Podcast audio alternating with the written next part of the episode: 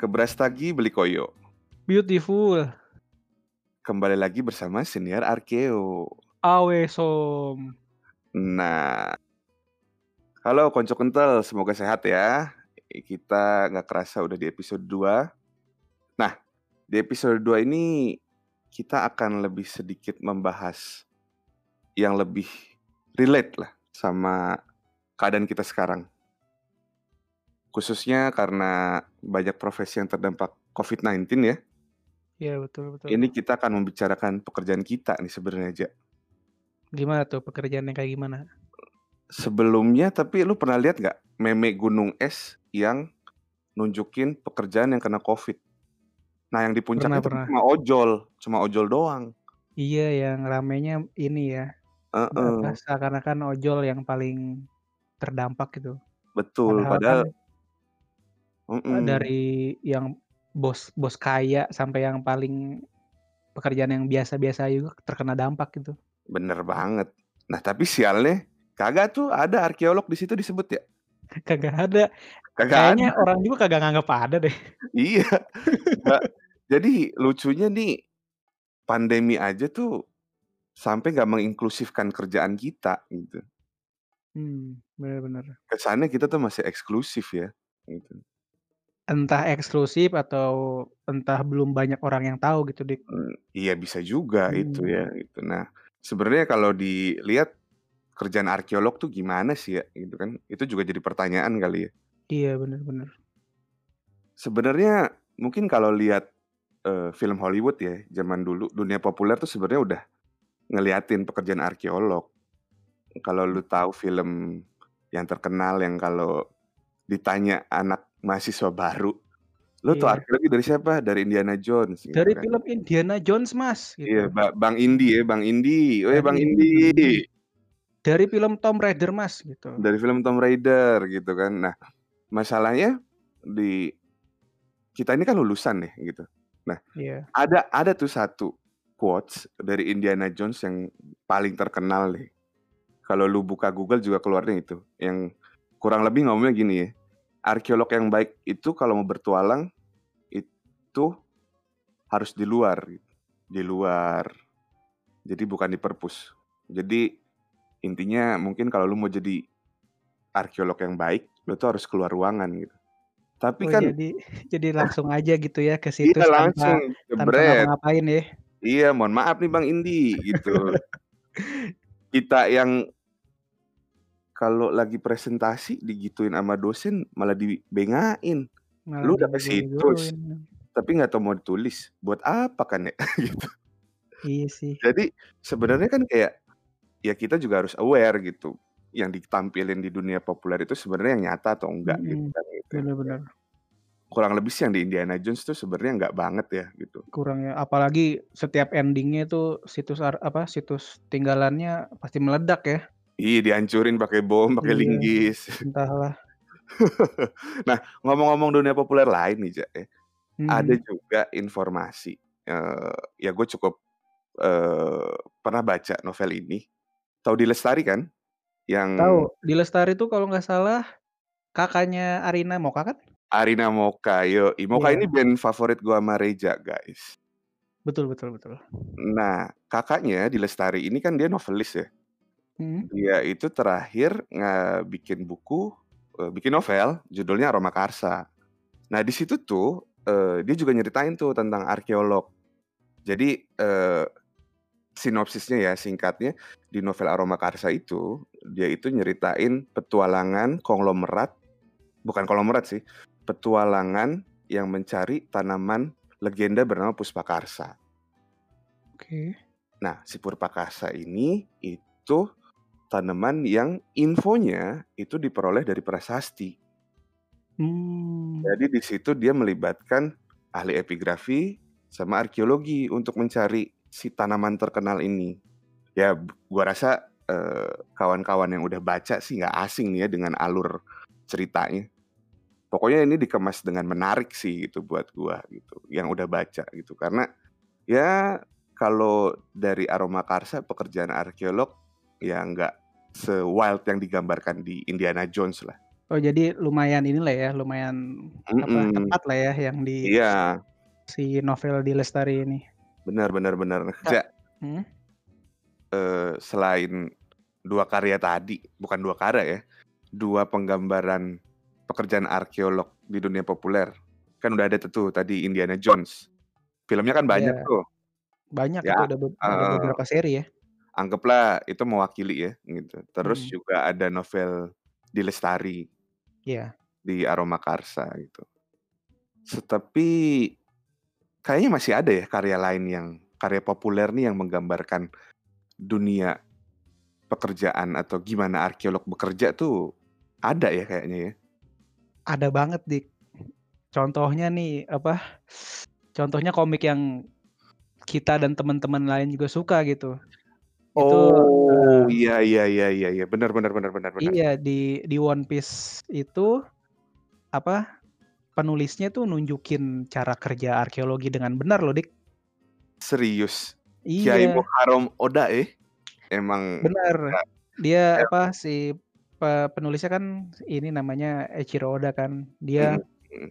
dia bahkan tuh naro porsi arkeolog tuh, itu sangat besar gitu, Dik. Bahkan ada satu pulau itu khusus untuk arkeolog gitu. Oh iya, gua inget. Pulau Ohara ya? Iya bener, di dia di situ ada universitas yang khusus apa, khusus mengenai arkeologi dan sejarah kuno gitu. Bener bener bener. Mhm, dan Bahkan semuanya ya gimana? Iya bahkan, eee, itu sampai dihancurin pemerintah ya karena, eee, Iya. peran arkeolog ini sangat mengancam keseimbangan politik dunia gitu. Mengancam kedaulatan ceritanya. Kedaulatan gitu ya. Iya, jadi semua semua unsur ar arkeolog di One Piece itu dirangkum di satu karakter, Dik. Yaitu Nico Robin gitu, arkeolog Yoi, bener bener arkeolog kita bener bener. semua gitu. Arkeolog kita semua, Mhm. betul betul betul. Betul sih gua daripada Indiana Jones gitu ya, gua itu jujur waktu masuk arkeologi karena gua baca One Piece gitu. Wah, Bukan lu lebih ekstrim lagi ya karena bukan karena One Piece ya? bukan karena Indiana Jones. Sama satu Mhm. film sebenarnya, The Mummy dulu. Oh iya, Eh, bener. iya, Kalau The kalau Jurassic kan Park gimana? Jurassic Park? kalau Jurassic Park kan tenonene tenonene.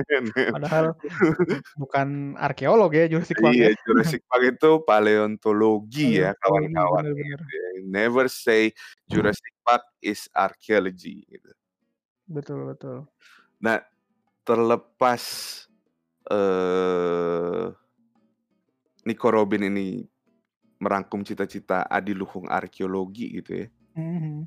Oda nih ngegambarin arkeolog di dunia One Piece tuh gimana aja, Ja, sebenarnya? Ampe ya kalau gua kan kalau gua kan udah Iya. suka nih ya, gua nggak perlu menjelaskan lah gitu. Kalau dari menurut elu gitu? Dia tuh ngejelasinnya dengan ini ya, ya, dengan simpel. Meskipun nggak nggak banyak screen time, tapi dia dia ngasih apa, ngasih statement bahwa, eee, si arkeolog ini sangat sangat penting gitu buat petualangan ininya, petualangan utamanya malah. Bahkan, eee, temen-temen yang tahu gitu One Piece kan itu kelompok topi jerami tuh, kelompok si bajak laut topi jerami, itu nggak akan bisa nyampe ke pulau terakhir kalau bukan dengan perannya si Nico Robin nanti. Bener Yang bener bener. dia harus ngebaca Poneglyph ini kan, Road Poneglyph gitu buat menemukan pulau terakhir gitu. Iya. Jadi kuncinya memang di arkeolog ya, untuk menemukan One Iya. Piece. Untuk Gua menemukan yang namanya. One Piece sendiri aja harus pakai peran arkeolog gitu. Iya, jadinya besar banget itu perannya. Betul betul betul. Bahkan gua Mhm. inget di One Piece itu, eee, ya namanya komik ya, pasti kan ada adegan berantemnya ya.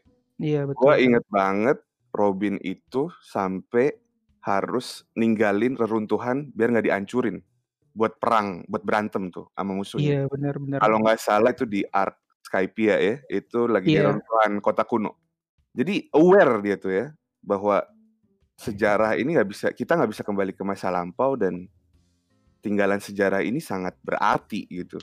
Bener bener. Jadi kebalikan dari Indiana Jones ya, si Iya, betul heeh. betul betul. One Piece ini malah dia apa, aware bahwa tinggalan cagar budaya ini jangan sampai rusak gitu. Bener banget. Jadi sebenarnya cita-cita adiluhung arkeologi ini dirangkum dalam tokoh Nico Robin, ja eh. Iya, di dirangkum dari dari cara bekerjanya, dari cara dia menguak jati diri sebuah apa sebuah sejarah gitu itu di, dijelasin tuh dengan dengan cara yang baik lah gitu ya mungkin Iya teman-teman yang yang belum pernah baca harus baca deh Iya, apalagi yang One tertarik sama arkeologi Benar benar benar. Nah, ngomong-ngomong nih ya, kita tadi udah ngasih contoh Indiana Jones. Udah ya ngasih betul contoh Aroma Karsa.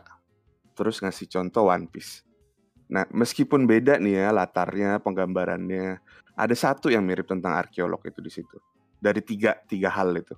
Gimana tuh Selalu diceritain tentang petualangan dan penelitian. hmm iya selalu identik dengan lapangan gitu Iya. petualangan lap oh, iya ke Nah, lapangan pasti mm-mm. cuman kan kalau kita tarik ke real world-nya ya, ke kitanya nih ya. Sebenarnya kalau udah bertualang sama meneliti tuh kita tuh mau ngapain sih gitu kan? Nah, itu kan iya sebenarnya pertanyaan besarnya ya gitu. itu yang Padahal nggak dijelasin di apa di karya-karya populer itu ya iya betul banget gitu. Kan sampai kayak kita bertanya-tanya kayak kita nih lulusan arkeologi. Kayak lo sekarang Dija. Lo kerja di Mm-mm. mana? Gua kerja bukan dia bukan di bidang arkeologi, Nah, tapi mungkin gua Heeh. kerja di industri kreatif sih, Dik. industri kreatif ya gitu kan, Mhm. tapi bukan arkeologi gitu kan. Nah, Iya, bukan arkeologi. ini kan kita jadi bertanya gitu, apakah benar sih arkeolog tuh harus semuanya meneliti gitu kan? Iya, Emang semua lulusan arkeologi itu harus jadi peneliti arkeologi gitu. Ini kan Mhm. sebenarnya kontemplatif ya. Kita juga Iya. mikir gitu jadinya. Wah, gua ada gua dapet sarjana di arkeologi tapi gua ngapain nih ke depannya gitu. Bener bener. Agak bingung juga ya Mhm. kadang ya. Pelik, pelik Mhm. banget. Nah, Padahal orang-orang bilangnya, "Kan arkeologi langka ininya, apa, Iya, se bener. Jurusannya." Bener, saking langkanya di oprek kerjaan nggak pernah ada S1 Double arkeologi kerja ternyata. heeh, nggak pernah Iya. ada. Malah malah munculnya ma kalau sastra Jawa ada, Sastra arkeologi Jawa ada ya? ada. Iya. Iya, sastra Arab ada gue pernah lihat Sastra Arab malah. ada, mhm. Arkeologi nggak ada. Arkeologi nggak ada. Mhm. Makanya kali di meme yang rame-rame ojol itu kagak ada yang terkena dampak Covid arkeologi. Iya. Arkeo nggak ada ya. Padahal kan ini juga ya gitu, apalagi pariwisata kan ngedrop, terus apa, Bener. penelitian-penelitian juga di pada diundur ke tahun depannya. Gimana Iya. terdampak? Terdampak lah. Nggak terdampak. Tadi kan kita juga bertanya ya, apakah semua lulusan arkeologi itu harus jadi peneliti arkeologi gitu. Tapi sebenarnya kalau udah meneliti ini gitu, penelitiannya ini hasilnya lu kepikiran gak sih ya buat siapa? Iya. Soalnya kayak kita tahu sendiri terasa minim ya apa si publikasi yang berbentuk populer gitu. Entah minim atau entah gue yang nggak tahu aja dik sebenarnya.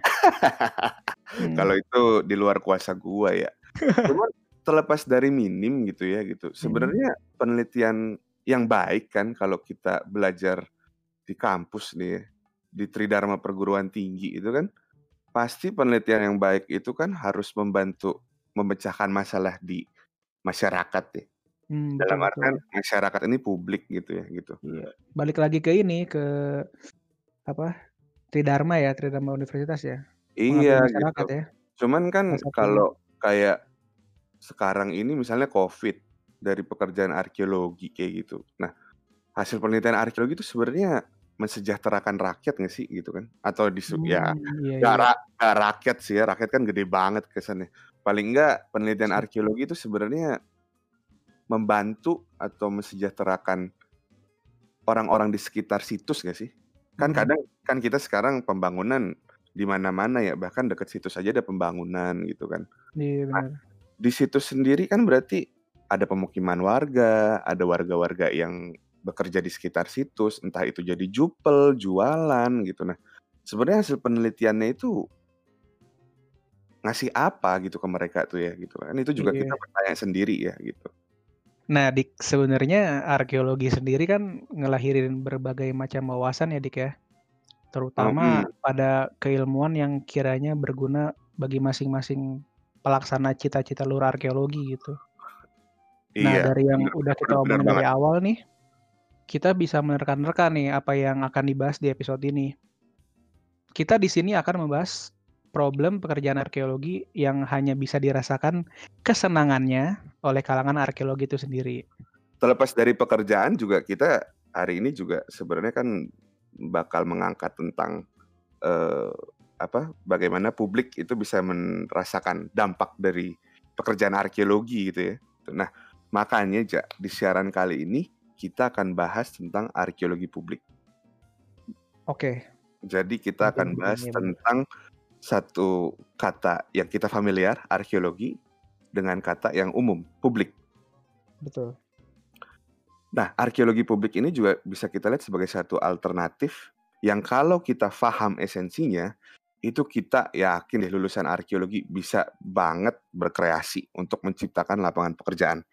Terlepas iya. dari arkeologi yang katanya cuma neliti, jadi benar, dosen, benar atau malah jadi, jadi PNS, PNS di bidang iya. arkeologi ya, uh, gitu. Hmm. Walaupun PNS kan cita-cita semua mertua ya katanya ya. Cita-cita semua mertua, iya benar. Iya. Oke nih konco kental. Di episode kali ini kita bakal ngebahas topik yang berjudul Terampil Arkeologi Guna Memikat Publik, sebuah utas pengetahuan tentang arkeologi publik. Tentu saja topik kali ini bakal ditemani oleh narasumber yang merupakan honorable mention di di di proyek kali ini. Beliau merupakan seorang dosen di bidang studi arkeologi, seorang ibu dari dua anak, seorang pejuang rumah tangga. Mungkin narasumber bisa langsung memperkenalkan diri sendiri supaya bisa lebih akrab kali ya. Silakan Ibu Dian Sulustiawati. Oke, terima kasih Eja. Halo semuanya. Hmm, perkenalkan, karena saya yang belum terkenal ya. Perkenalkan, uh, saya Dian, Dian Sulistiawati. Jangan ketukar sama Dian Sastro. Ya nggak bakal juga sih sebetulnya. 11-12 lah. Udah nggak usah menghibur loh. saya Dian. Hmm, saya saat ini mengajar arkeologi di UI. Tapi kalau sekarang sih ke, kayaknya lebih tepat jadi full time mom ya, uh, eh, part time lecturer. Karena lebih banyak di rumah daripada di kampus ngajar. Karena semesternya juga udah selesai. Terus uh, ya udah gitu aja sih. Apalagi ya, Jak? Uh, mungkin lu bisa ngejelasin di arkeologi spesialisasinya apa gitu buat pengantar gitu. Waduh. Waduh, kayak semacam dokter ya ada spesialisasi. apa apakah THT, telinga, hidung, THT Kandungan, gitu? kandungan. Oh, kandungan. Kalau spesialisasi, bicara spesialisasi, sebetulnya sih uh, dulu waktu S1 saya lebih ke sejarah kuno ya. Uh, kemudian hmm. pas ngambil S2 itu ngambil pengkhususannya uh, museum, museologi. Okay. Terus Jadi bisa ya disebut kalau, museolog dong ya? Um, berat sekali itu ya. itu itu predikatnya berat ya Mbak ya? Hmm. uh, nggak berat sih, nggak ya jangan bilang berat ya. Kalau iya, berat kayaknya susah banget hidup gitu kan. Cukup cukup badan aja yang berat. Itu lu. uh, ya museolog karena kalau mau dibilang museolog karya saya juga belum banyak gitu. Karya ilmiah ya terkait hmm. uh, museum. Jadi ya suka museum aja sih gitu. Suka museum. Nah, itu juga berkaitan sama jadinya mata kuliah yang saya ajar ya saya ngajar pengantar museologi, ngajar kajian koleksi dan tata pamer. Kemudian kalau di arkeologinya eh, ngajar praktikum arkeologi lapangan, praktikum laboratorium, arkeologi publik, museum dan publik, ya yang kayak gitu-gitu deh. Ejo kayak nggak pernah kuliah sama gua aja. Iya nih mbak, pernah kok mbak. Pernah. Tapi banyak banget ya mbak ya akonin di ini di apa materi yang lu ajar? Enggak ah, kan uh, dibagi dua semester itu, nggak dalam satu semester.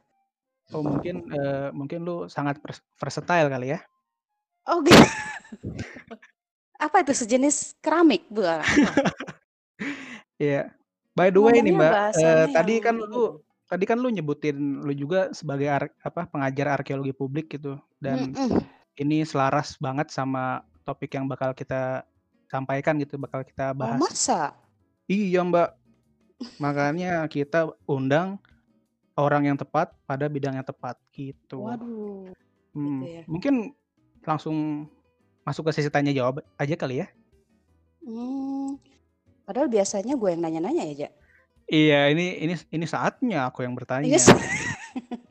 Gitu ya? Oh, Iya. ya udah boleh, siapa takut ya. Boleh ya? Yes. Dari hal yang basic dulu kali, Mbak. Mhm. Sebenarnya arkeologi publik itu apa sih, Mbak? Dan istilah publiknya itu merujuk ke siapa, Mbak? Waduh.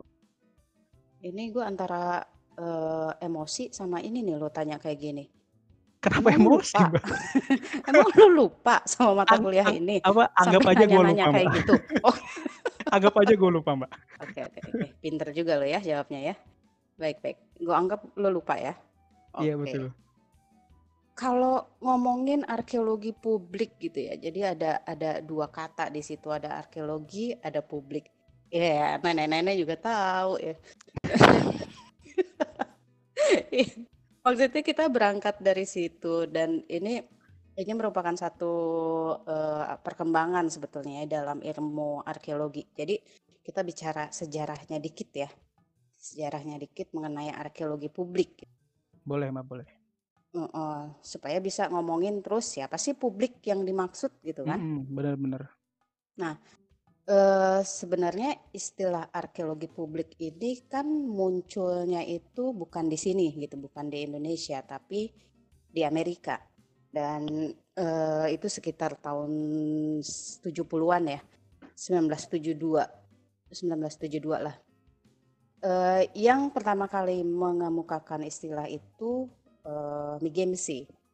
Nah, eee, latar belakangnya sebenarnya karena sama sebetulnya di mana-mana itu latar belakangnya karena, eee, pada saat itu banyak terjadi, mmm, bukan pengerusakan ya, ya ada juga pengerusakan tapi lebih lebih banyak yang terjadi itu adalah adanya ancaman terhadap, eee, situs-situs atau tinggalan arkeologi, eee, oleh proyek pembangunan yang mengatasnamakan publik.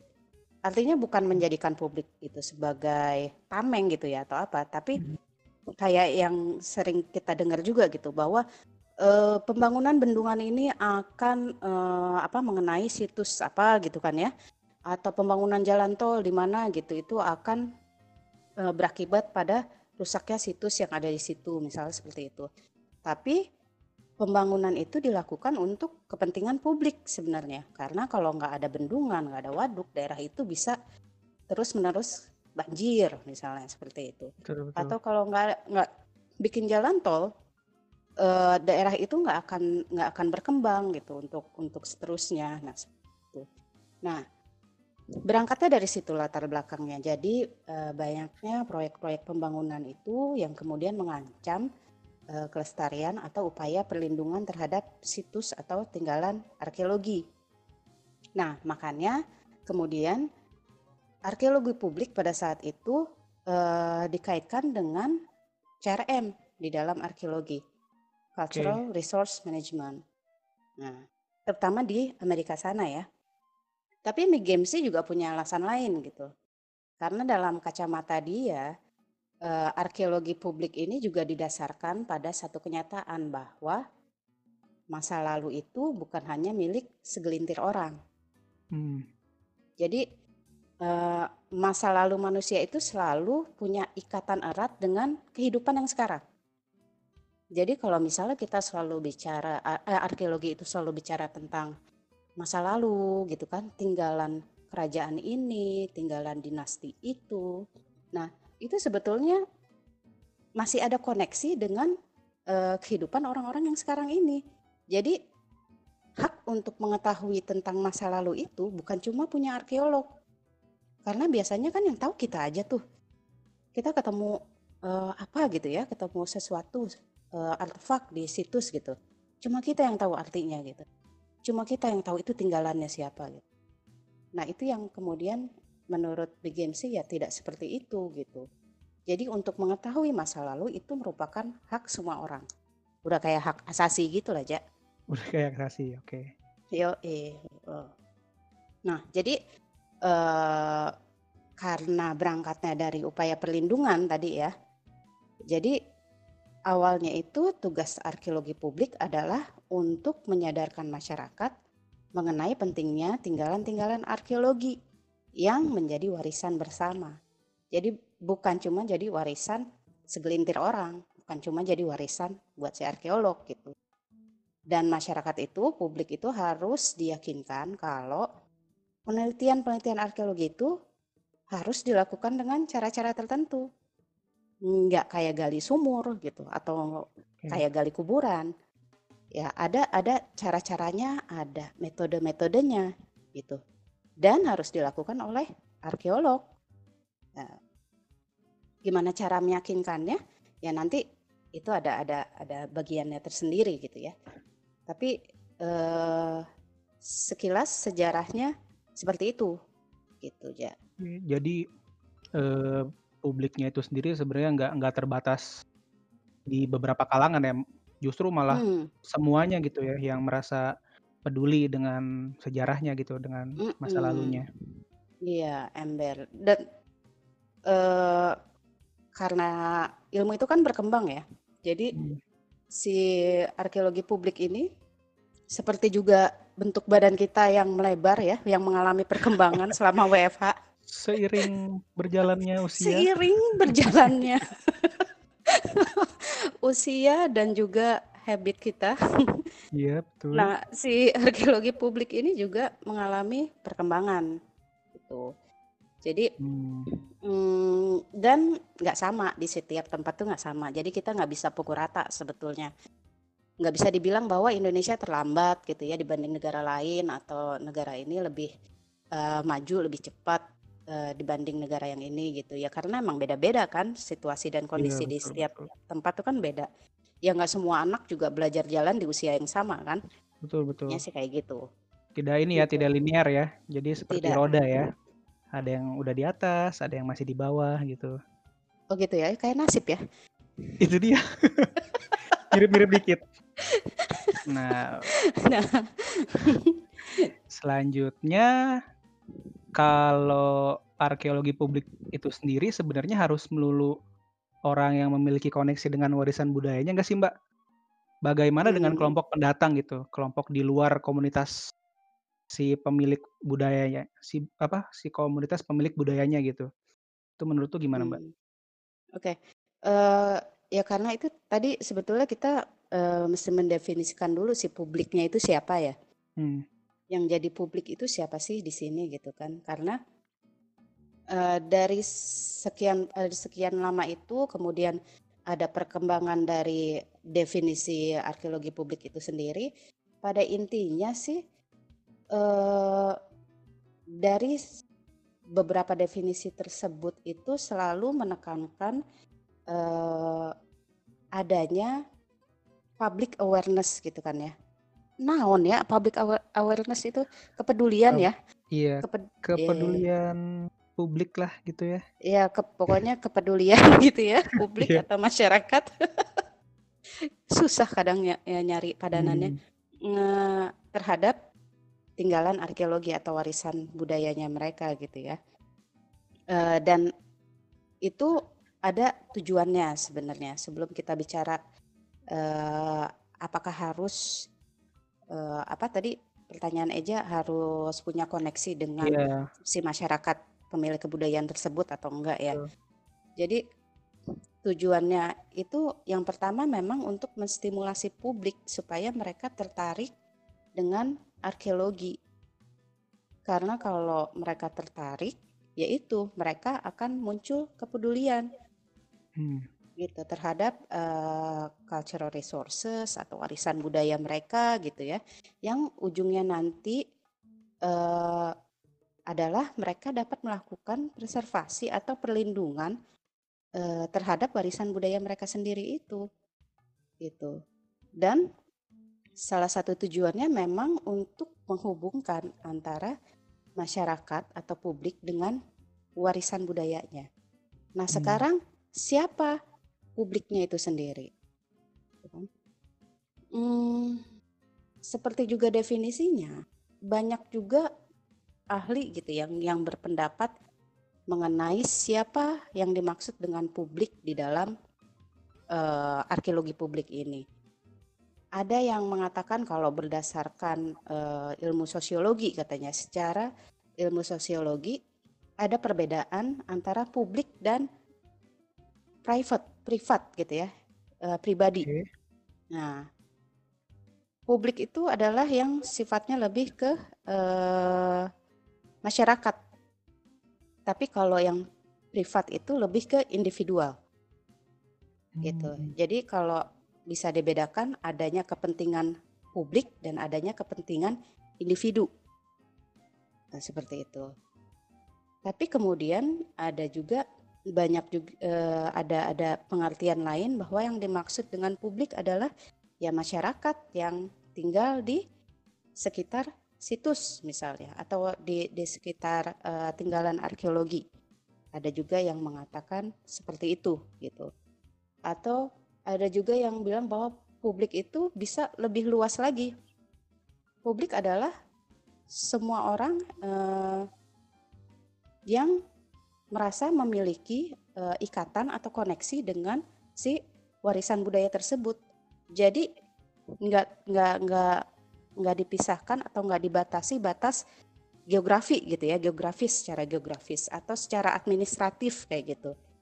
Jadi misalnya ya gue orang Jawa gitu kan, bapak ibu Jawa asli gitu kan. Walaupun gue tinggal di mana pun, gue akan selalu terkoneksi dengan budaya Jawa gitu. Walaupun gue nggak tinggal di Jawa, misalnya seperti itu. Itulah sebabnya kemudian kan ada yang namanya warisan dunia kan. Betul, betul. Warisan dunia itu kan bukan cuma dimiliki oleh orang di negara di mana dia tinggal gitu, tapi menjadi milik dunia, diakui oleh dunia. Yang seperti itu. Oke. Terus tadi pertanyaan Eja ya. Berarti Iya, secara nggak langsung sebetulnya udah menjawab ya, Ja ya? secara langsung udah udah udah terjawab sebenarnya ya. Udah terjawab. Jadi, oh, heeh, Apa mesti gitu kan? benar-benar. Jadi sebenarnya tidak ada batasan ya, Mbak ya? nggak ada nggak ada batasan sebetulnya karena kayak misalnya kita bicara tentang eh, Jakarta gitu kan kita eh, nggak bisa mengatakan bahwa Jakarta itu punya satu orang tertentu atau punya satu suku tertentu gitu Iya. karena Jakarta terbentuk kan dari berbagai macam orang berbagai macam lapisan masyarakat berbagai macam suku gitu kan dan justru itu kemudian yang membentuk identitas dari kota Jakarta itu sendiri. Kayak gitu, gitu sih. Mungkin ya. Iya. Nah, kalau kalau misalkan beda negara gimana, Mbak? Kalau menurut Mbak? Contoh, Mm-mm. Ada peneliti asing gitu yang tertarik dengan tinggalan kita gitu. Itu Mm-mm. apakah apa eh, publiknya tuh seluas sedunia atau Hmm. hanya skupnya hanya negara gitu, Mbak? Menurut lu gimana, Mbak? Nah, ya kayak kayak gue bilang tadi, Ja, kita nggak bisa membatasi publik itu berdasarkan geografis atau administratif seperti Hmm. itu ya.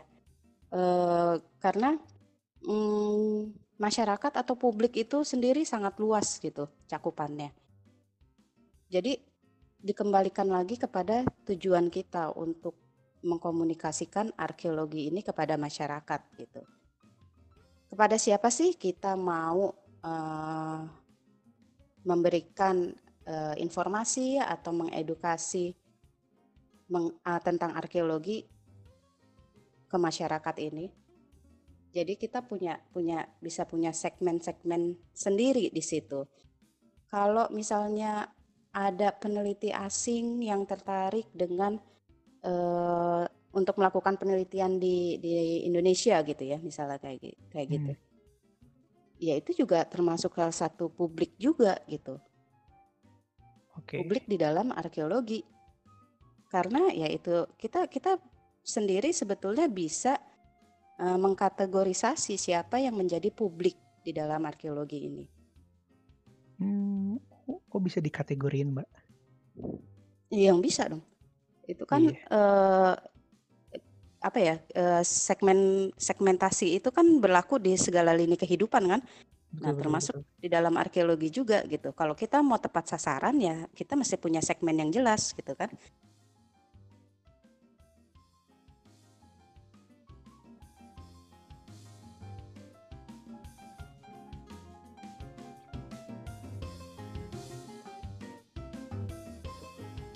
Oke, uh, masuk ke pertanyaan selanjutnya. Kalau di Indonesia sendiri, Mbak, uh, praktek arkeologi publik itu modelnya seperti apa aja, Mbak, yang udah dijalanin, Mbak? Uh, contohnya mungkin ya? Contohnya, betul. Iya, contohnya ya yang saya tahu aja kali ya. Uh, kalau nggak tahu kan nggak bisa diomongin juga. Masalahnya kan lu lu tahu banyak, Mbak, lu tahu semua. Ya enggak juga, yang tahu segalanya itu cuma Allah, Ja. Eh, gue baru mau nanya ini, besok gue harus ngapain? Lu kira gue paranormal? Apa tadi pertanyaannya? Oh, contoh, contoh ya? Iya, contoh praktek ininya, Mbak, praktek arkeologi Kalau iya, kalau contoh itu sebetulnya di kita itu udah udah lumayan banyak gitu ya, contohnya. Walaupun mungkin, uh, variannya, variasinya Eh, nggak banyak. Bisa kan bedain, Ja? Contohnya banyak tapi variannya nggak banyak.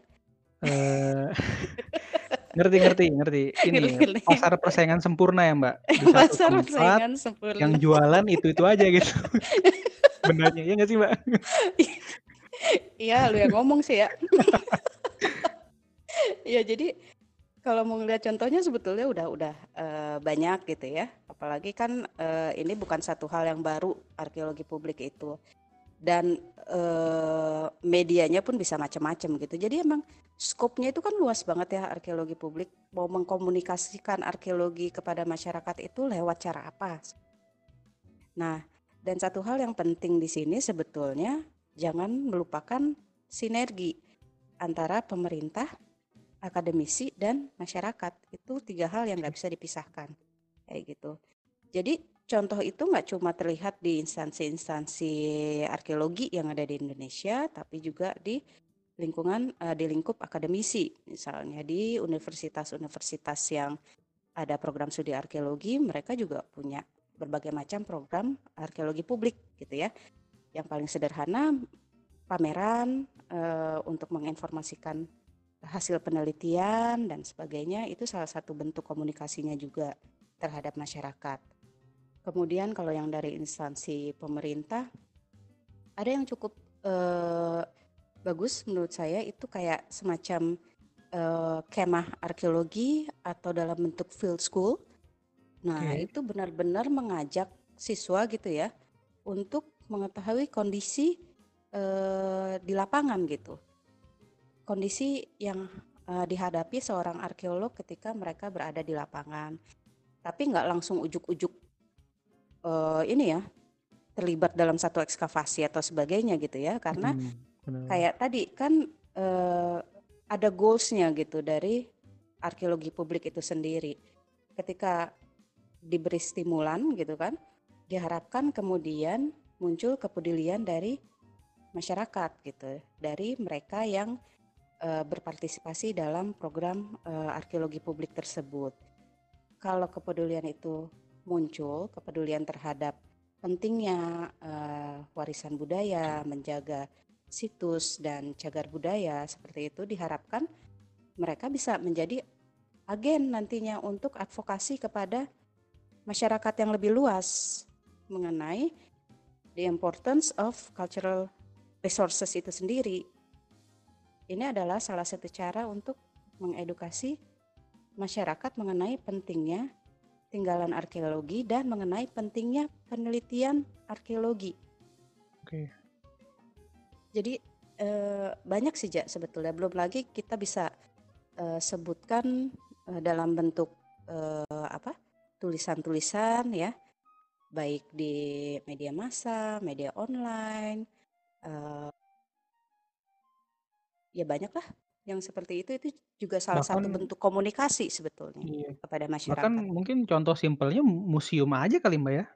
Museum pasti, museum Iya. itu udah udah udah merupakan wahana untuk arkeologi publik gitu ya, untuk Hmm. arkeologi gitu, untuk mengedukasi masyarakat.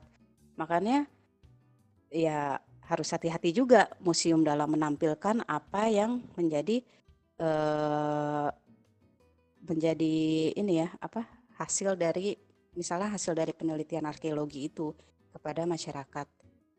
Ya jangan intinya jangan melupakan sinergi itu antara masyarakat, pemerintah sama akademisi. Eh, mungkin gue bisa kasih contoh ini ya. eh, kenapa tadi gue sempat bilang variannya nggak banyak. Eh, Iya. belum belum belum banyak, sorry. Oke. Eh, karena kalau misalnya di tempat lain, di negara lain itu eh, itu sudah menyentuh lebih banyak eh, lini kehidupan gitu. Dan keterlibatan masyarakat pun sangat beragam. Nggak cuma kelompok pelajar aja atau kelompok masyarakat yang ada di sekitar situs itu sendiri gitu ya. Jadi kadang mereka sudah melibatkan eh, komunitas, kemudian ada sejarawan lokal gitu. Eh, gue tuh pernah baca mengenai proyeknya eh, ANU ya.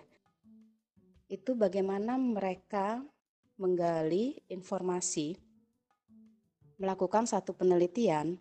Biasanya kan kita kalau meneliti kita datang ke tempatnya gitu ya, kita Ya, tahu di situ situs gitu ya, terus kita ekskavasi, gali segala macam kayak gitu ya. Nah, ini mereka berus- eh, berusaha menggali informasi dulu dari eh, orang lokal. Kebetulan di situ, eh, aduh agak lupa eh, lokasi penelitiannya, tapi di situ eh, local people-nya itu adalah eh, Indian, gitu. Dan di di tempat itu ada eh, kalau kita bilangnya temuan gitu ya, tapi menurut mereka bilang itu ya batu-batu yang keramat lah segala macam kayak gitu ya. Nah, mereka melibatkan si eh, indigenous people ini untuk menggali eh ini apa? Apa sebutannya eh kok urban legend ingatnya? eh legenda. Legenda eh, yang mereka miliki terkait dengan si batu-batu itu. Loh? Jadi nggak langsung datang terus gali di situ gitu kan. Oh itu ada batu berdiri main here apa kalau di kita kan batu berdiri dikit main here gitu ya. Padahal dulunya gabruk kali. nah ini eh, ini di- digali dulu informasinya dari local people itu. Apa sih yang kalian ketahui atau yang leluhur kalian turunkan gitu ya pengetahuannya itu mengenai si batu-batu ini gitu. Iya. Terus gali informasi itu, kemudian dapat bahwa dulu ceritanya bahwa di sekitar itu batu-batu itu ada ini ini ini gitu loh. Nah, beranjak dari eh, cerita itu, mereka baru eh, mengadakan penggalian gitu. Jadi Hmm. menggali informasi dengan melibatkan eh, indigenous people yang memiliki koneksi dengan tinggalan tersebut. Jadi bukan kita langsung datang, eh, kita datang ke tempat ke lokasi TKP gitu ya, terus langsung Hmm. gali di situ. Enggak. Tapi datang dulu ke eh, s- orangnya, ke pemilik budayanya gitu ya. Menggali informasinya walaupun informasi itu bukan dalam bentuk tulisan atau apa tapi merupakan eh, ingatan gitu ya, ingatan memori yang mereka miliki yang diceritakan oleh leluhurnya. Tuh. Itu itu satu bentuk lain yang udah lebih Lebih advance ya, Mbak. eh, advance ya, iya yang kayak begitu ya. Mungkin ya Hmm. gitu. Jadi mm, keterlibatan masyarakatnya itu udah udah lebih beragam gitu dalam satu eh, program.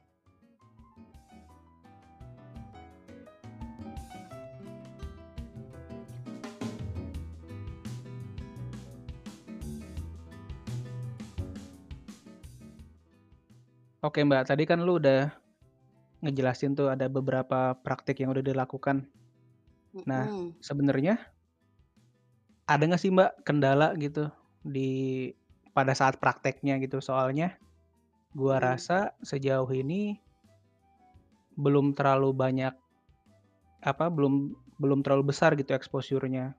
Bahkan mungkin masih banyak masyarakat yang belum melek gitu tentang cagar budaya. Menurut lu Mmm, gimana, Mbak? Kendala, ya namanya hidup ya, Ja. Pasti ada aja Iya kan kendalanya kalau ditanya ada kendalanya apa enggak. Mhm. Kalau nggak ada mah Kalau nggak ada apa? kalau nggak ada lu udah nggak hidup berarti udah nggak ada kendala.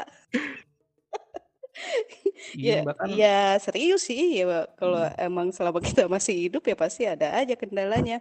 Begitu juga Iya, Mbak, iya, ngejalanin Mbak. program. Kenapa gue jadi curhat? Ya soalnya kan ini Mbak, maksudnya praktek si arkeologi publik ini kan udah banyak dicoba dari berbagai apa, berbagai kaliber lah gitu ya. Ada yang kalibernya nasional, ada yang kalibernya desa doang gitu, tapi masih belum maksimal gitu, Mbak. Itu menurut lu Ya. kenapa, Mbak? Ya, kalau bicara maksimal nggak maksimal pasti masing-masing apa, penyelenggara programnya punya ukuran masing-masing ya. Oh, ini Cuma segmen ya, Mbak, ya? eee, nggak nggak nggak cuma segmennya, ya Mmm. pasti kalau misalnya satu program dijalankan itu ada ada satu ukuran yang mereka pakai gitu untuk mengukur bahwa programnya ini berhasil atau enggak, misalnya kayak gitu. Dan itu, eee, mesti ditanyakan ke, eee, masing-masing yang ngejalanin program, kayak Mhm. gitu. Kalau gue lihat sendiri sih, kalau kendala itu ya masih pada jalan sendiri-sendiri aja, Ja. Oke. Jadi lupa sama sinerginya itu, gitu. Iya. Makanya mungkin gaungnya tadi, exposure-nya, ya jadinya terbatas, mau nggak mau. Ya, eee, ya Mmm. gimana ya, maksudnya, eee kalau misalnya ya kalau bicara segmen ya mungkin segmen-segmennya juga kan beda gitu kan. Kayak misalnya, mmm, mungkin gue kasih contoh, selama beberapa tahun terakhir ini, KKL arkeologi itu sudah mulai menjalankan, eee, program publik juga gitu. Eee, ekskavasi itu udah bisa dilihat sama anak-anak sekolah gitu, terus Mhm. ada sosialisasi juga ke mereka gitu. Jadi, Iya. apa sih yang sedang kita lakukan gitu. Kan sering ya, Ja, lu pasti dulu juga ngalamin waktu KKL kayak gitu, terus ada Mhm. orang lewat gitu kan, eee, warlock gitu ya. Ada yang lewat terus nanya-nanya, "Eh, lagi ngapain sih? Lagi nyari harta karun ya?" Apa kayak gitu-gitu. Pasti pertanyaannya seputar kayak gitu kan. Harta karun pasti ya? Iya, kan kan Mmm. lucu ya, maksudnya kita datang ke tempat mereka, kita datang ke rumah orang gitu ya, tapi orangnya sendiri nggak tahu Nggak tahu tamunya ini ngapain. Heeh. Itu kan ya paradoks gitu loh, eee, Iya. aneh aja gitu jadinya. Nah, makanya, mmm, mulai ada sosialisasi juga ke masyarakat, ke anak-anak sekolah gitu. Sebetulnya apa sih yang kita lakukan? Apa sih yang ada di di rumah mereka gitu kan. Terus seberapa pentingnya gitu untuk, eee, kita dan untuk mereka. Kan mungkin beda juga ya kepentingan eee, tingkat kepentingannya itu. Dan kalau memang kita sama-sama menganggap itu penting, ya gimana caranya kita sama-sama menjaga gitu. Eee, mungkin gue bisa ambil contoh yang di Jambi ya, Muaro Jambi Iya. itu itu cukup, eee, bagus kalau menurut gue untuk kepedulian masyarakat, terutama anak mudanya gitu ya, Mhm. terhadap pelestarian, eee, cagar budaya yang ada di tempat mereka gitu. Jadi kesadaran itu tuh udah ada di dalam diri mereka, yang seperti itu. Itu yang yang diharapkan kan yang kayak gitu, Ja, Iya, betul dari betul betul. arkeologi publik. Nah, jadi kalau misalnya eee, kendala kendala itu bisa macem-macem, apa aja, tapi yang gue sorotin mungkin ya ada ya itu kurangnya sinergi gitu. Semuanya Kurangnya masih sinergi, bener. jalan sendiri-sendiri aja gitu. Nggak tahu kenapa ya. Hmm. Padahal kan sama-sama ngomong dalam bahasa Indonesia ya. Iya. Susah Kenapa gitu pada doyan sendiri-sendiri ya? Heeh. Pada Iya, pada kayak me lu sekarang kali, Mbak? ini. Pada me time Biasanya terus. kita tektok banget ya, ini kadang lo bengang-bengong bengang-bengong. Iya, nggak nggak enak ya, Mbak, apa, lewat online ini emang enakan ketemu langsung. Enakan ketemu ya, Ja, sambil nyeruput kopi ya. Iya. Begitu. Jadi kurangnya Oke. exposure ya karena itu juga gitu. Eee, karena publikasinya juga masih sendiri-sendiri.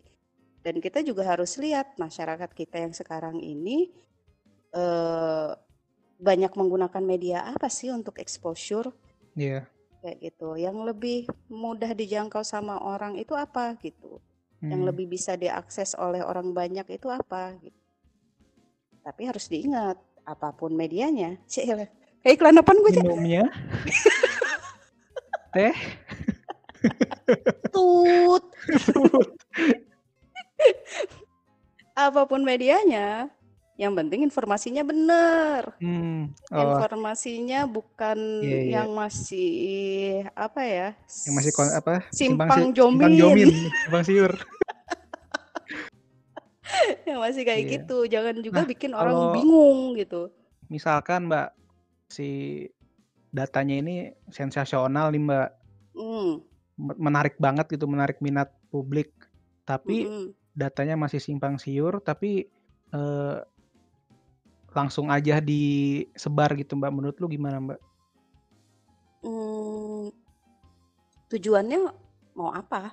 Balikin lagi aja ke situ. Mhm. Tujuannya Tujuannya mau mengedukasi masyarakat atau lo mau jadi artis? Oke.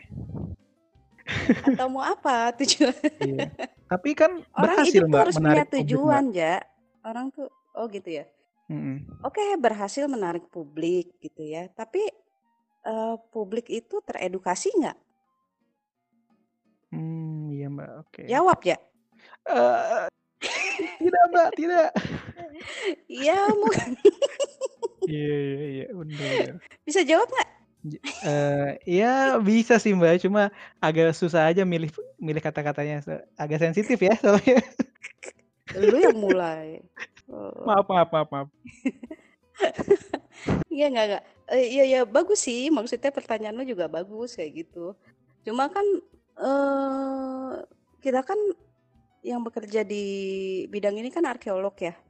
Mhm. Arkeolog dan juga kemudian dibantu dengan yang lain-lain juga gitu loh, kayak misalnya konten creator atau segala macam kayak gitu ya, Iya. untuk menciptakan, eee, satu bentuk informasi yang mudah dicerna oleh masyarakat misalnya kayak gitu.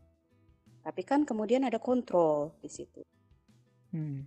Ada kontrol, ada pengawasan, ada otoritas dari kita sebagai, eee, sebagai ya katakan kalau kita yang melakukan penelitian itu ya, sebagai peneliti atau sebagai bagian dari tim gitu, untuk mengatur informasi yang keluar itu seperti apa gitu.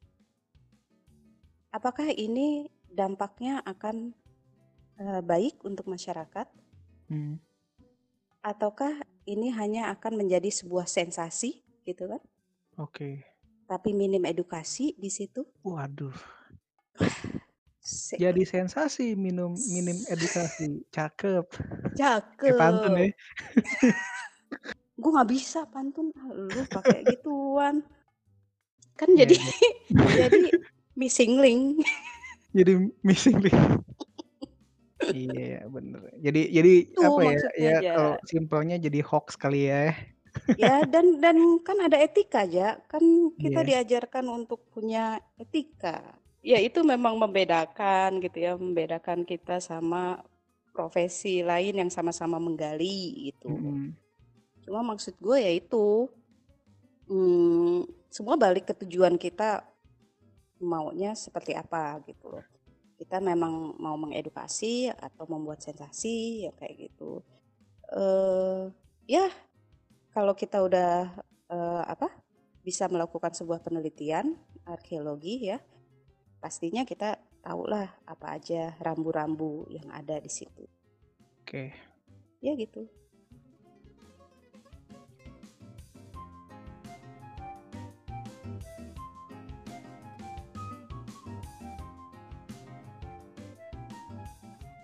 Nah, Mbak, kan Mhm. sebentar lagi kan tanggal 14 Juni nih, Mbak. Seperti Mhm. yang kita ketahui, eee, itu bertepatan dengan Hari Purbakala, Mbak. Weh. Nah, Bangga gua, apakah Ja, bangga gua sama lu. yang gue tahu cuma itu doang. Lu Hari Museum Nasional nggak tahu ya, National Museum ya? Eee, belum belum, nanti mungkin bisa tahu ya. Nah, ngomong-ngomong Hari Purba ngomong-ngomong Hari Purbakala itu, sebenarnya Mhm. masyarakat aware nggak sih, Mbak? Apakah masyarakat tahu gitu? Dan apakah itu untuk masyarakat atau hanya buat kalangan arkeolog, Mbak? Aduh, lu pertanyaan lu. Aduh. Mesti jawab nih ya? Mesti, Mbak. Kalau enggak, eee, ini, nggak kenapa-napa sih. Nggak kenapa-napa sih. Iya, aduh. Aduh, menarik juga sih ya, eee, ngomongin Hari Purbakala ya. Eee, gini deh, sekarang gue tanya lu nih dikit nih, dikit ya, nggak nggak banyak. Iya, boleh. Lu ngasih tahu orang lain nggak kalau ada Hari Purbakala? Ke teman-teman lu atau keluarga lu gitu, yang nggak tahu kalau ada yang namanya Hari Eee Purbakala? Kalau misalnya tanggal 1 Juni kemarin kan orang pada tahu kan, hari hari hari lahirnya Pancasila, Iya. kesaktian Pancasila, hari Emang lahirnya Pancasila, Ja. salah ya? Oh, iya Kesaktian iya, maaf. Pancasila mah habis itu 30 September. Oke. Eee, gue jawab nih, Mbak, ya. Mhm. Jujur nggak nggak setiap tahun sih, Mbak. Maksudnya nggak setiap tahun lu kasih tahu orang gitu? Iya, soalnya yang paling yang hype-nya paling ini kan sebenarnya yang yang 100 tahun itu, Mbak, ya. Oh, 100 tahun Purbakala, Iya, ya ya, paling ya pas itu doang gua lumayan nge-share nge-share. Kalau Iya. ke sininya bahkan kadang lupa, Mbak. Ya. Mhm. Ya ya itu sih maksud gue. Gimana Karena gimana gimana berkaitan tuh? karena berkaitan dengan yang tadi kita udah bahas sebelumnya gitu ya. Ya kalau Mhm. kita mau dapat exposure yang lumayan gede gitu dan punya impact yang cukup, eee, besar ke masyarakat, ya kita nggak bisa ngelakuin sendiri-sendiri kan. Ini kita sekarang ada momen gitu, Hari Purbakala gitu. Apa yang mau kita lakukan, kita lakukan bersama. Jadi harus ya satu suara juga untuk melakukan itu gitu. Dan Balik kalau mau sinergi ya, Mbak? Nah, iya seperti itu juga, Ja. Makanya jadi ya kita kalau tadi lo bilang apa itu cuma milik arkeolog aja ya mungkin untuk sampai untuk saat ini ya ya masih kayak gitu gitu. Yang Mmm. merayakan belum semua Iya, masyarakat betul. Indonesia ikut merayakan mungkin gitu ya. Karena ya kita mesti mesti realistis juga sih. Nggak semua orang, belum semua orang itu eee apa ya, bukan menyadari tapi ya belum semua orang merasa bahwa ya itu penting gitu. Iya. Heritage itu penting, cagar budaya itu penting, warisan budaya itu penting. Karena eee, kalau dilihat dari kondisi negara juga cagar budaya belum memberikan impact yang cukup besar ke masyarakat gitu kan. Iya, jadi masyarakat Masih belum butuh ya. Mbak, ya? Ya, heeh, Mhm. masih terlalu kan banyak kalau udah biasanya kalau udah butuh baru tuh, Baru, apaan?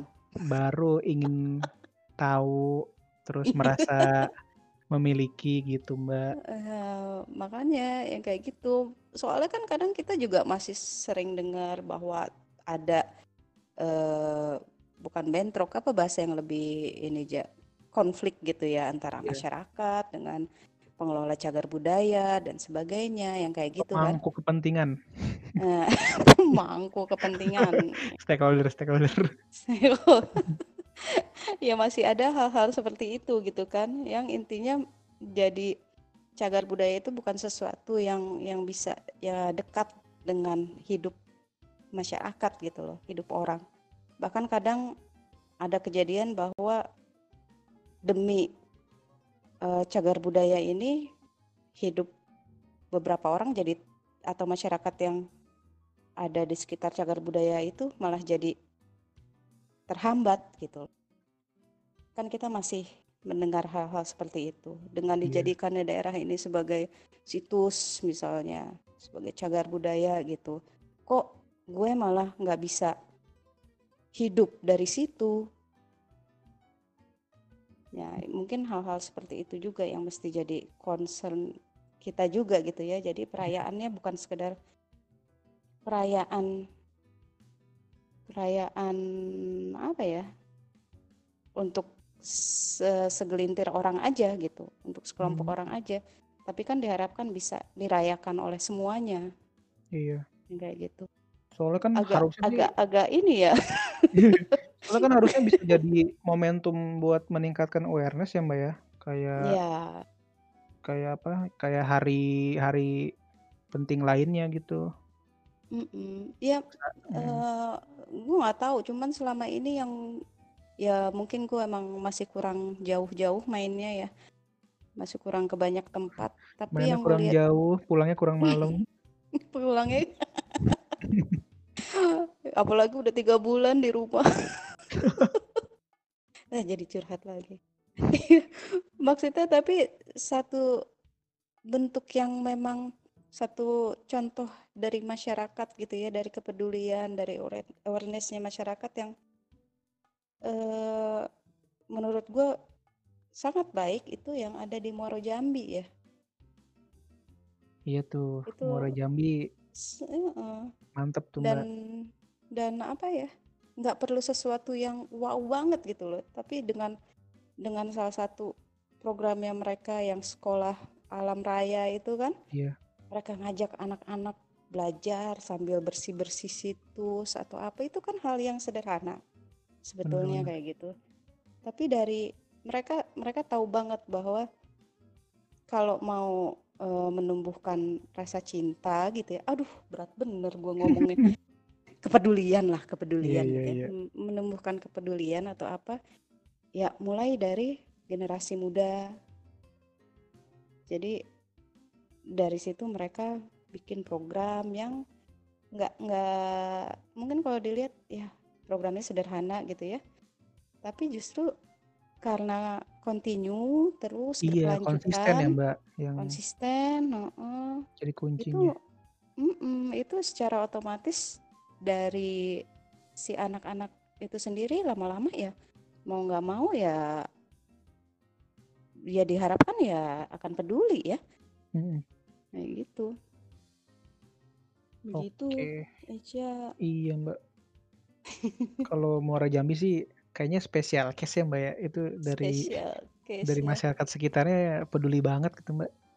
Peduli iya ya Mm. Ih, kita juga nggak tahu mungkin di di dalam eh, apa masyarakatnya sendiri seperti apa kendala apa yang terjadi gitu ya. Kan kayak Iya. tadi lo bilang ada ada banyak stakeholder juga di situ gitu. Mm. keterlibatan masing-masing stakeholder itu seperti apa gitu kan. Kita kita nggak tahu juga gitu ya. Tapi yang kita lihat ya seperti itu nyatanya gitu kan. Yang gampang aja. Eh, kita pernah lihat sendiri gitu Iya, betul. Karena banyak pemangku hajat ya, Mbak. mangku hajat cakep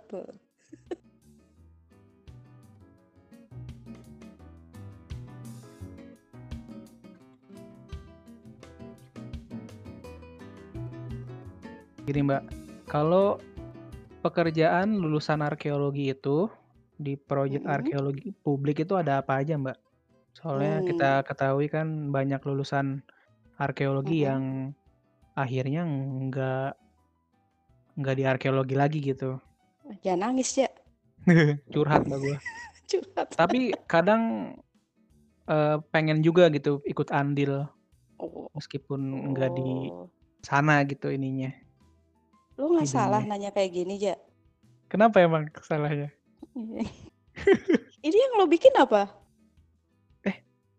salah ya? Enggak. Apa gue apa stick to pertanyaan aja nih? enggak ya ya ya yang lagi lo lakukan apa sekarang Oh iya, iya ini lah ini ini sebenarnya bentuk arkeologi publik ya? nah ya jadi siapa bilang nggak nggak apa walaupun nggak terjun di dunia arkeologi. Dunia arkeologi kan nggak sempit sekarang ya. Nggak cuma uh, apa mereka yang bekerja sebagai peneliti gitu misalnya atau bekerja di instansi arkeologi atau yang jadi dosen, jadi pengajar gitu. Tapi arkeologi sekarang juga udah bisa ke mana-mana gitu. Ini salah satu contoh yang paling nyata lo bikin produk ini. Jadi emang just bahkan yang nggak di kerja di bidang arkeologi juga berhak juga ya buat ikut andil dalam usaha arkeologi publik gitu, Mbak. Iya, maksud hmm. gue apa ya? Mungkin lo ngiranya kalau misalnya ini lulus arkeologi ya di mana lo bisa mendapatkan ikatan dengan arkeologi itu ya dengan bekerja di instansi arkeologi, dengan hmm. jadi jadi sebagai peneliti arkeologi yang kayak gitu-gitu yeah. gitu ya. Tapi kan sekarang ini udah dunia udah berkembang banget ya. Dan yeah, kalau kita bicara cagar budaya gitu ya, kita bicara warisan budaya, itu kan ada ada users, ada consumer juga, gitu kan. Nah, di situ di situ kita bisa uh, bermain sebetulnya dengan lebih leluasa. Kayak sekarang muncul kreatif industri. Hmm.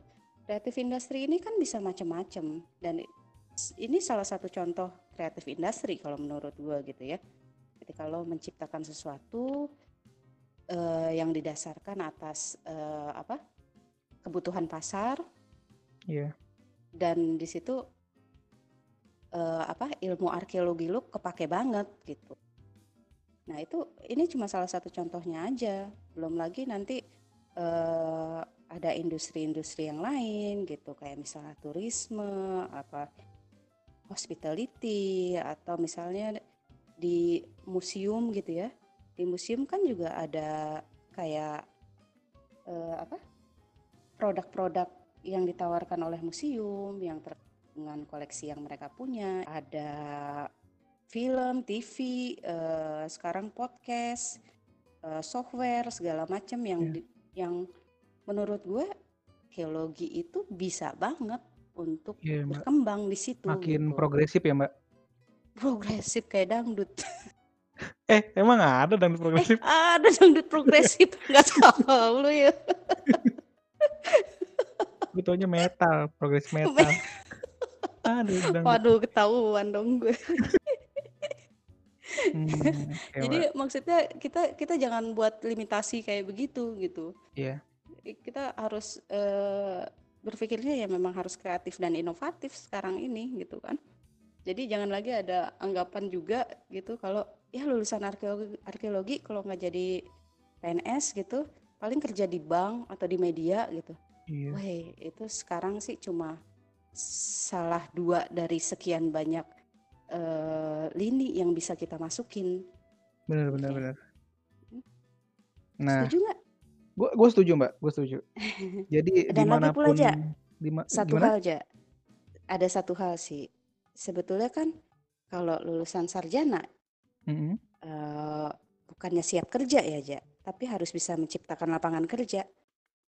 Oke, betul. Mestinya.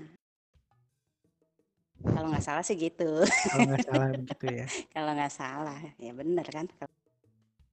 Iya mbak.